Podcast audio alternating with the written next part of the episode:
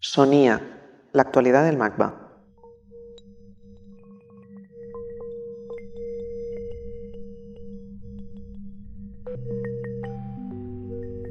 La obra del artista mexicano Eric Beltrán se ocupa de los procesos de edición, clasificación y conceptualización de estructuras de pensamiento. Su especial interés por la epistemología, la reinterpretación y la gestión de la sobreinformación le ha llevado a investigar archivos y bibliotecas singulares de todo el mundo.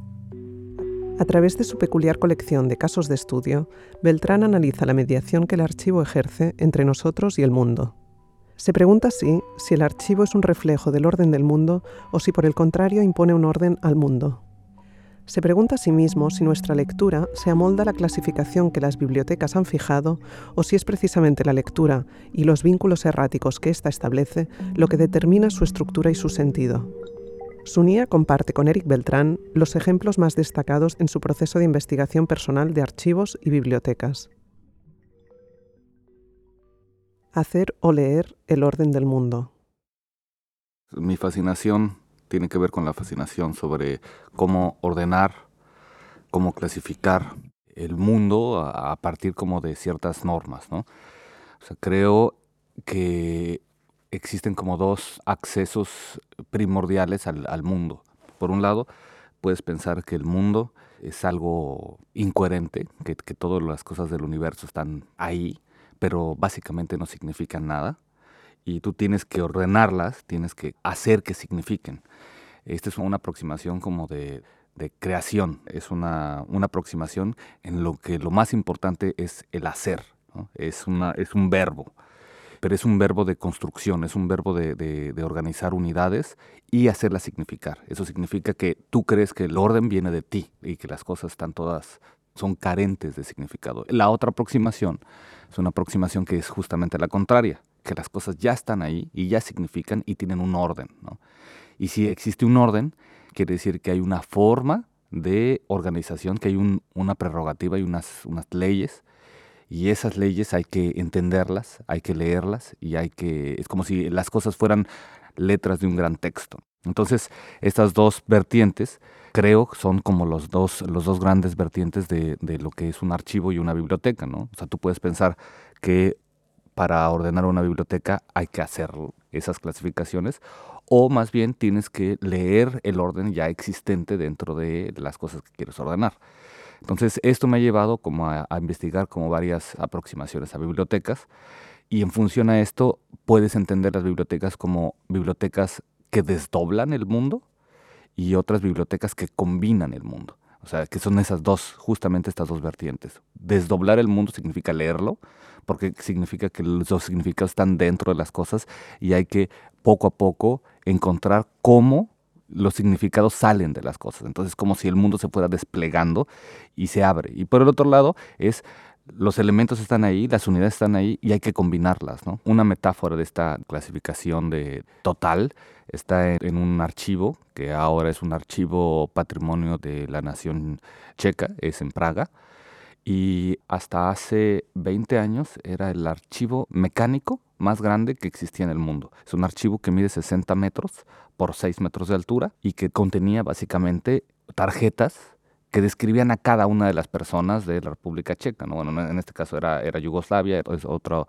otro contexto político, pero era toda la nación contenida en una gran caja enorme con cientos de ficheros. Cada fichero mide 3 metros 10 por 15 centímetros. Es una gran caja, es una especie como de, de matrix pre-computadora. Y evidentemente con las computadoras pues se convirtió en un, un autómata, en un robot completamente inocuo en el momento, o sea, lo que se podía hacer con esa máquina, ahora se puede hacer con una computadora portátil y ahora se convirtió en una especie de, de, gran robot. Para mí esta, esta biblioteca es la gran metáfora de lo que significa la concepción de lo colectivo y la concepción de los grandes autómatas que representan a una nación, ¿no? O sea, para mí es el, el gran símbolo del golem de Praga, está representado en ese, en ese archivo, ¿no? Es, es una máquina que representa a todos y que está buscando el bien de todos porque es el archivo de la seguridad social.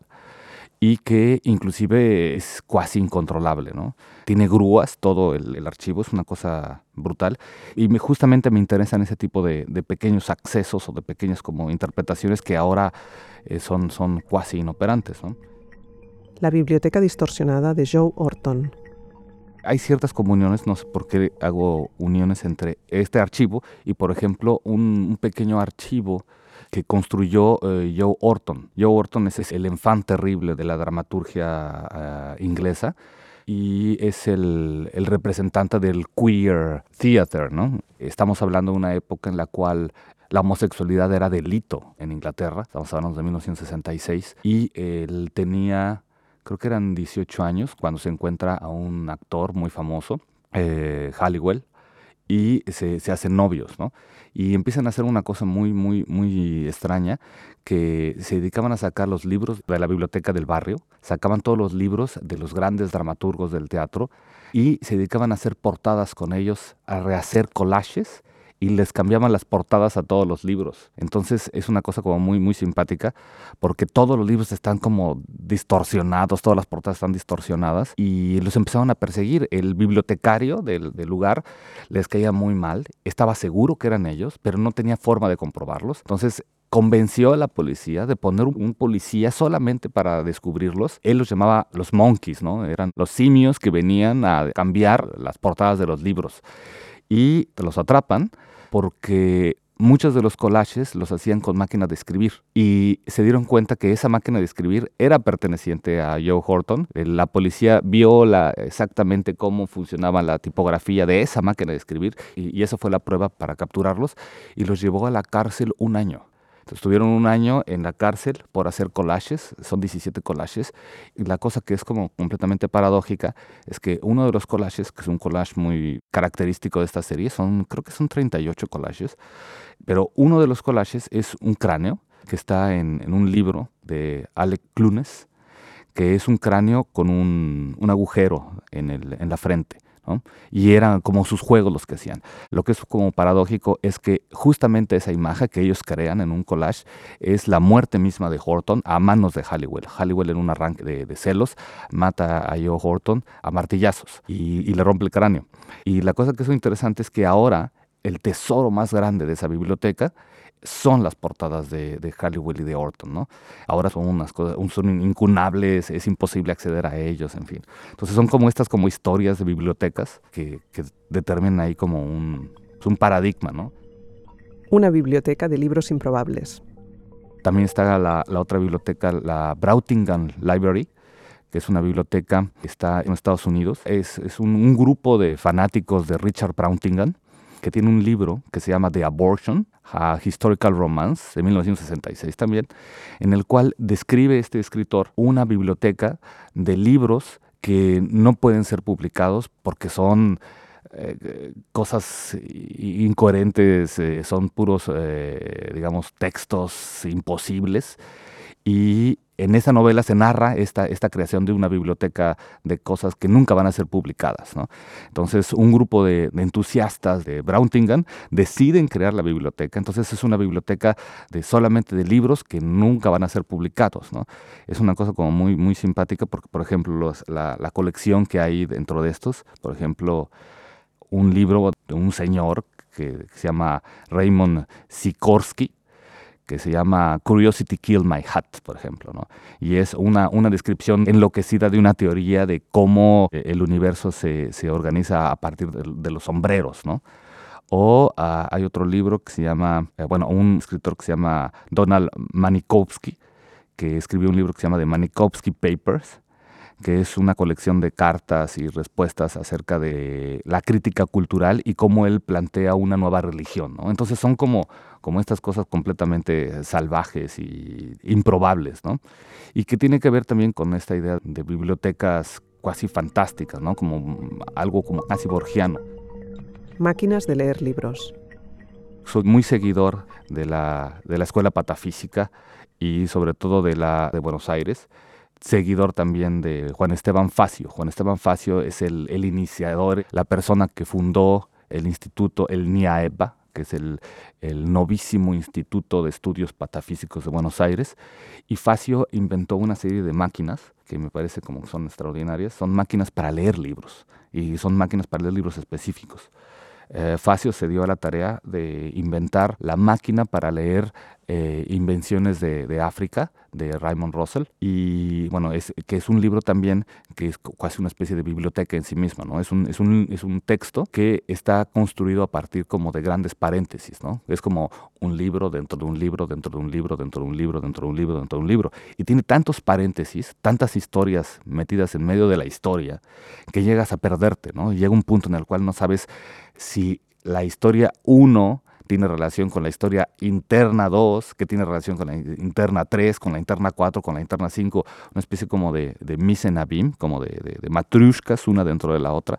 Y Juan Esteban Facio se dedicó a hacer estas máquinas, son, son las máquinas de lectura para esto, justamente porque es muy complejo llegar a, a, entender dónde está parado el, el, el, lector dentro de estas cosas. ¿no? me interesan estas textos biblioteca, ¿no? En este caso es, son máquinas que intentan generar estas cosas, ¿no? Juan Esteban Facio también hizo otra máquina de lectura sobre eh, rayuela, ¿no? Inventó el rayuelomatic, y el rayuelomatic es un, eh, obviamente, eh, para leer rayuela de Cortázar, pero lo interesante es la máquina que inventa, ¿no? que es como un, un, pequeño taburete, que tienes tu trago junto y botoncitos que te permiten llegar a leer el libro de una forma, pero si aprietas el botón B, te permite leerlo de otra forma y tienes el botón C de otra forma, ¿no? Entonces son como estas organizaciones que son idiosincráticas, o sea que solamente se puede leer ese orden a través de ese texto, ¿no?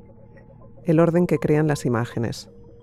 Es justamente por lo cual llegué a la biblioteca, la conocidísima biblioteca de Abbey Warburg, la que está en Londres.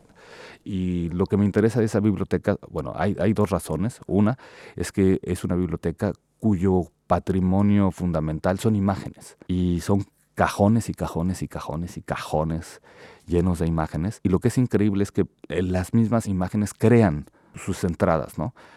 Hablando con el bibliotecario de la biblioteca Warburg, le pregunta, ¿cómo es que, puedes ordenar? ¿Cómo, ¿Cómo, es que tú abres un file, un, un archivo, un, una carpeta, y colocas, por ejemplo, animales que tocan música, porque aparte son, son clasificaciones muy extrañas, ¿no? Cajones enteros de eh, Cristo levantándose en la resurrección en piedras planas, que es muy diferente al archivo de resurrección de Cristo con piedras redondas, que es diferente al eh, resurrección de Cristo sin piedra. Entonces, ¿cómo es que él establece como la jerarquía para generar estas carpetas? Y lo que él me decía es que las mismas imágenes crean estas carpetas. Es decir, cuando hay una especie de densidad suficiente como para reconocer un, una alegoría, se crea la carpeta. Entonces, si hay, por ejemplo, pensemos en animales que tocan música, si de repente él empieza a darse cuenta que hay muchos animales tocando música, como humanos, entonces hace una carpeta. Pero si de repente dentro de esa carpeta existen perros tocando guitarras, se crea la carpeta perros haciendo guitarra y se independiza de la carpeta uh, animales tocando música. Entonces, esa es una de las, de las razones por las cuales me interesa la biblioteca. Y la otra razón es por la forma en la que está clasificado, que me parece como extraordinario, que son cuatro pisos el primer piso es un piso de acceso, de, de, de, así como una biblioteca clásica, están los libros de referencia, diccionarios, enciclopedias, pero el segundo piso es el símbolo, el tercer piso es la acción y el cuarto piso es la magia. Entonces me parece que es extraordinaria como una clasificación que es absolutamente eh, enloquecida en, en, términos, pero que funciona para el propio archivo. Entonces esos son como los, los archivos que me interesan, una especie como de apariciones cuasi eh, fantasmagóricas. ¿no? Libros de tortuga y de bambú. Acabo de visitar un archivo en Taiwán, en Taipei, en donde parece ser son las, los objetos considerados más antiguos como libros, ¿no? Y son caparazones de tortuga. Entonces tienes una biblioteca solamente de caparazones de tortuga, porque lo que sucedía es que los, los magos eh, utilizaban las conchas de las tortugas, se dieron cuenta de que si las colocaban en fuego, estas se rompían de diferentes formas cada vez, no se rompen de la misma forma, y siempre se rompen en seis partes eh, básicas. ¿no? Esas seis partes básicas eventualmente dieron la aparición de Li Ching, El I Ching es este, este sistema de adivinación, podríamos decir, pero también podríamos decir que es un sistema de lectura del universo. Entonces un, son, está en función a seis hexagramas, que son las seis partes por las cuales se rompe las conchas de las tortugas, y que genera como este orden de, aforismos que nos permiten interpretar y preguntarle al universo cualquier cosa y el universo nos contesta, ¿no? O sea, es una especie de qué es lo que yo quiero entender sobre este problema X y con un aforismo el universo me contesta y puedo acceder. Entonces, a partir de estas conchas de tortuga que se rompen, los magos lo que hacían era inscribir y tallar dentro de las tortugas las aforismos o leyendas o la profecía. Entonces, estos son considerados como los libros más antiguos que se conocen en el mundo, pero obviamente no son libros, ¿no? Y hay ciertos lugares en los cuales las colecciones son brutales, ¿no? Hay 15.000 eh, caparazones de tortuga en un solo lugar que se encontró hace 30 años, parece, y los investigadores se han dedicado durante todo este tiempo, primero, a ordenar las caparazones y luego entender lo que dicen, porque el tipo de ideograma que tienen estas caparazones es tan antiguo que se separa completamente del chino contemporáneo, se separa aún más del chino antiguo, es realmente casi una especie de, proto-chino. Entonces hay unas discusiones muy interesantes que a mí me parece casi una alucinación que los, los, investigadores, que son 20 personas que pueden leer estas cosas en el mundo, se pelean entre ellos para saber qué es lo que dice uno y qué es lo que dice otro. Entonces estuve con un investigador que hacía estas investigaciones sobre las comparaciones y sobre otra cosa.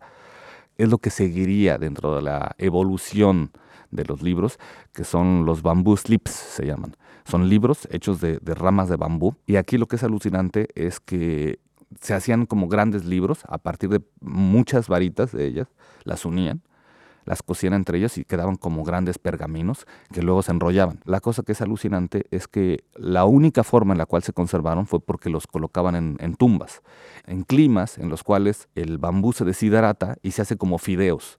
Entonces, cuando llegan a las tumbas y abren estas cosas, primero, bueno, es un problema tremendo, pues porque son estas cosas que parecen fideos, todos flácidos, y necesitan primero conservar el material, luego entender de dónde vienen los textos, porque resulta que pues, han pasado siglos y lo que ellos encuentran son fragmentos, varitas en las cuales hay una frase que tiene que ser unida a otra frase, que tiene que ser unida a otra frase, y ellos encuentran el desorden absoluto. Son personas que se pasan 20 años encontrando, primero, qué varita corresponde a cada texto, el orden que deberían tener, y después interpretar el texto mismo, porque también obviamente es un chino muy antiguo y hay discusiones de cuáles son los símbolos que contienen.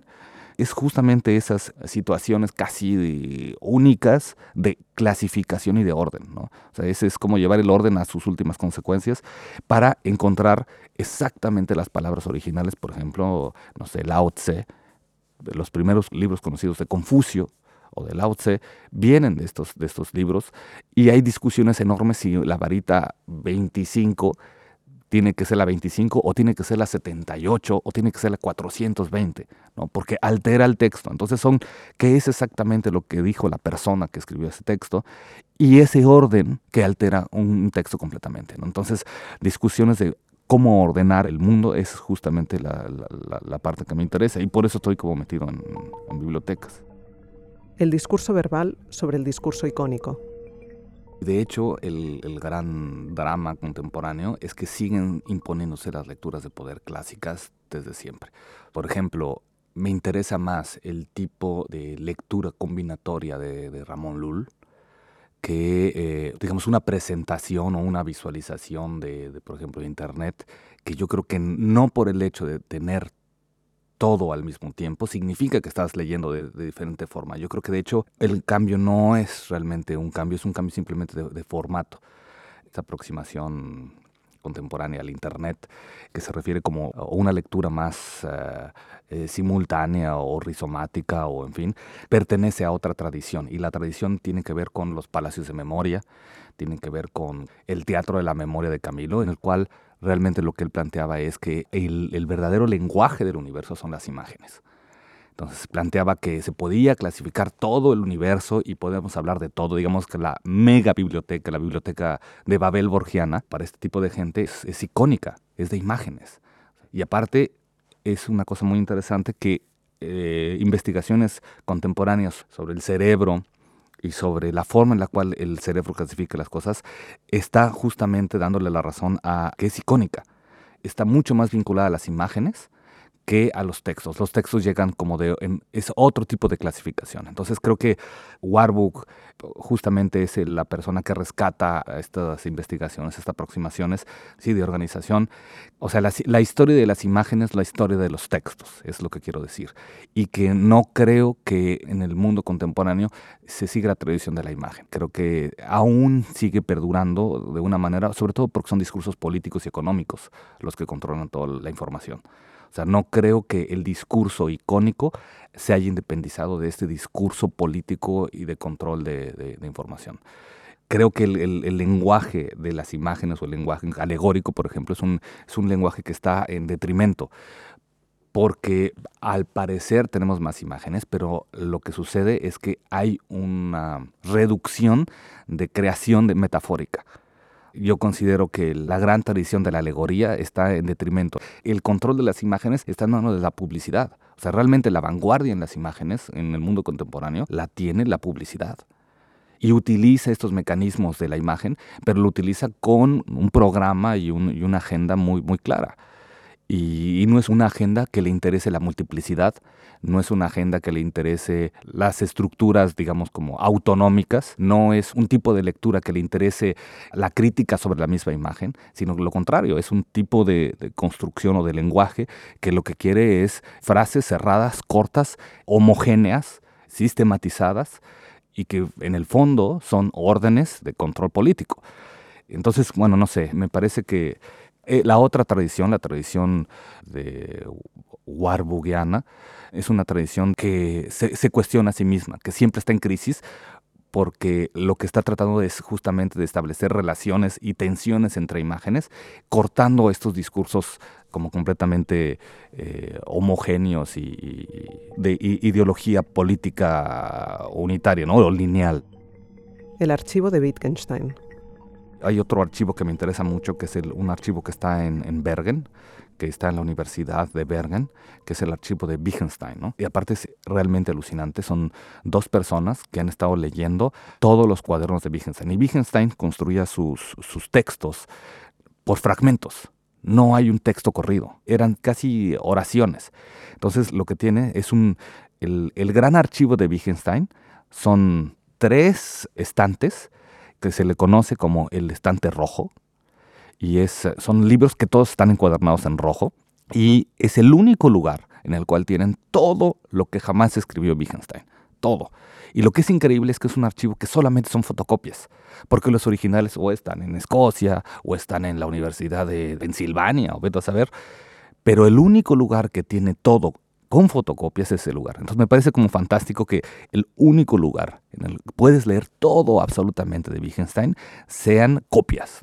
Y, sea, uh, y haya dos personas que han pasado toda su vida tratando de descifrar como, como en las estructuras chinas, qué es lo que estaba diciendo Wittgenstein, porque son como eso, son como varitas perdidas y tratan de encontrarle como un sentido. E inclusive también el, todo está escrito a mano y eh, inclusive la escritura de Wittgenstein es, es complicada, es, es difícil, no es fácil. Volver en sí cada cinco minutos. De alguna manera lo vinculo también, por ejemplo, con unos cuadernos que no he visto, pero sé que existen, de una persona que se llama Clive Wearing. Clive Wearing es, eh, es, muy famoso, es conocido dentro del mundo médico, porque es uno de estos casos eh, muy extraños de pérdida de memoria ah, inmediata. Lo que le pasa a Clive Green es que básicamente no puede crear recuerdos, no tiene memoria. Entonces, lo que es muy impresionante es que Clive Wearing se despierta o toma conciencia de sí mismo cada cinco minutos. Entonces, cada cinco minutos dice, ¡Ah! estoy de vuelta, soy yo otra vez. Y, realmente es la angustia eterna de, de, Clive Wearing diciendo, soy yo, me recuperé, estoy despierto. Entonces tiene unos diarios que son impresionantes, en los cuales cada cinco o seis minutos, porque es muy importante dejar dicho cuándo es que te estás despertando. Entonces pone 10, 15. I am alive, ¿no? Estoy vivo. Por primera vez en mi vida estoy vivo. Por fin. 10, 16. No, no, no, no. Ahora, ahora es el momento en que realmente estoy vivo. 10, 17 por primera vez en mi vida estoy vivo. Y entonces es una especie como de continuo despertar y continuo despertar. Y los cuadernos, porque son cientos, o sea, es su, su búsqueda eterna para encontrar un recuerdo de sí mismo, van distorsionándose, ¿no? Hay un cierto paralelismo entre los cuadernos de Wittgenstein y los cuadernos de Clive Wearing, ¿no? Porque aparte son notas que poco a poco se van destruyendo y se van como las letras empiezan a, distorsionar, empieza es realmente una especie como de, insistencia y de, de búsqueda, ¿no? Procesos de lectura, el archivo en constante movimiento. Warburg tenía dos conceptos alrededor de eso, ¿no? Tenía esta ley, la ley de su biblioteca, que es la ley del buen vecino, ¿no? Que decía que el libro que él quería leer era el que estaba junto al que quería leer. Era como su ley. Y la otra, que es una cosa que es increíble, que se llama la sopa de anguilas que si escarbas un poco es prácticamente lo mismo que el cadáver exquisito de los surrealistas. Lo que hacía era escribir un texto, pero lo escribía también como pequeñas tiritas. Y estas tiritas las metía en una caja y cuando te necesitaba como ideas, básicamente lo que hacía era meter la mano en su sopa de anguilas y empezar a, unir los textos. ¿no? Entonces el texto se, formaba solo una especie como de escritura automática pero eh, a nivel archivístico, ¿no? O sea, era, era como llevar esto a, a la conformación de un archivo eh, fundacional. Y lo que es muy bonito es que justamente la sopa de anguilas es una sopa como muy famosa en Inglaterra y es justamente la idea de esta transmisión, ¿no? Las anguilas son los animales estos que hacen, parece ser que son los pocos que hacen una migración por todo el mundo, ¿no? Son migraciones que de hecho nadie sabe exactamente, bueno, hasta hace muy poco tiempo no se sabía dónde nacían las anguilas y resulta que todas se van al mar de los sargazos. Pero nadie sabía antes de dónde salían las anguilas. No se conocían anguilas en estado larvario hasta hace creo que 20 años, ¿no? Y era justamente eso, porque desaparecían, iban y regresaban. Esta metáfora es como, como muy, muy eficiente en este, en este asunto, ¿no? Para mí, la cosa más importante dentro de un archivo es las cosas que no están en el archivo y las razones que hicieron que las cosas que estén en el archivo están en el archivo. Entonces, básicamente, el verdadero objeto del archivo es algo que se mueve. O sea, el verdadero objeto del archivo es la persona leyéndolo, no son las cosas. Entonces, esa movilidad, ese coso que está en constante movimiento, ese es realmente el, el punto crucial.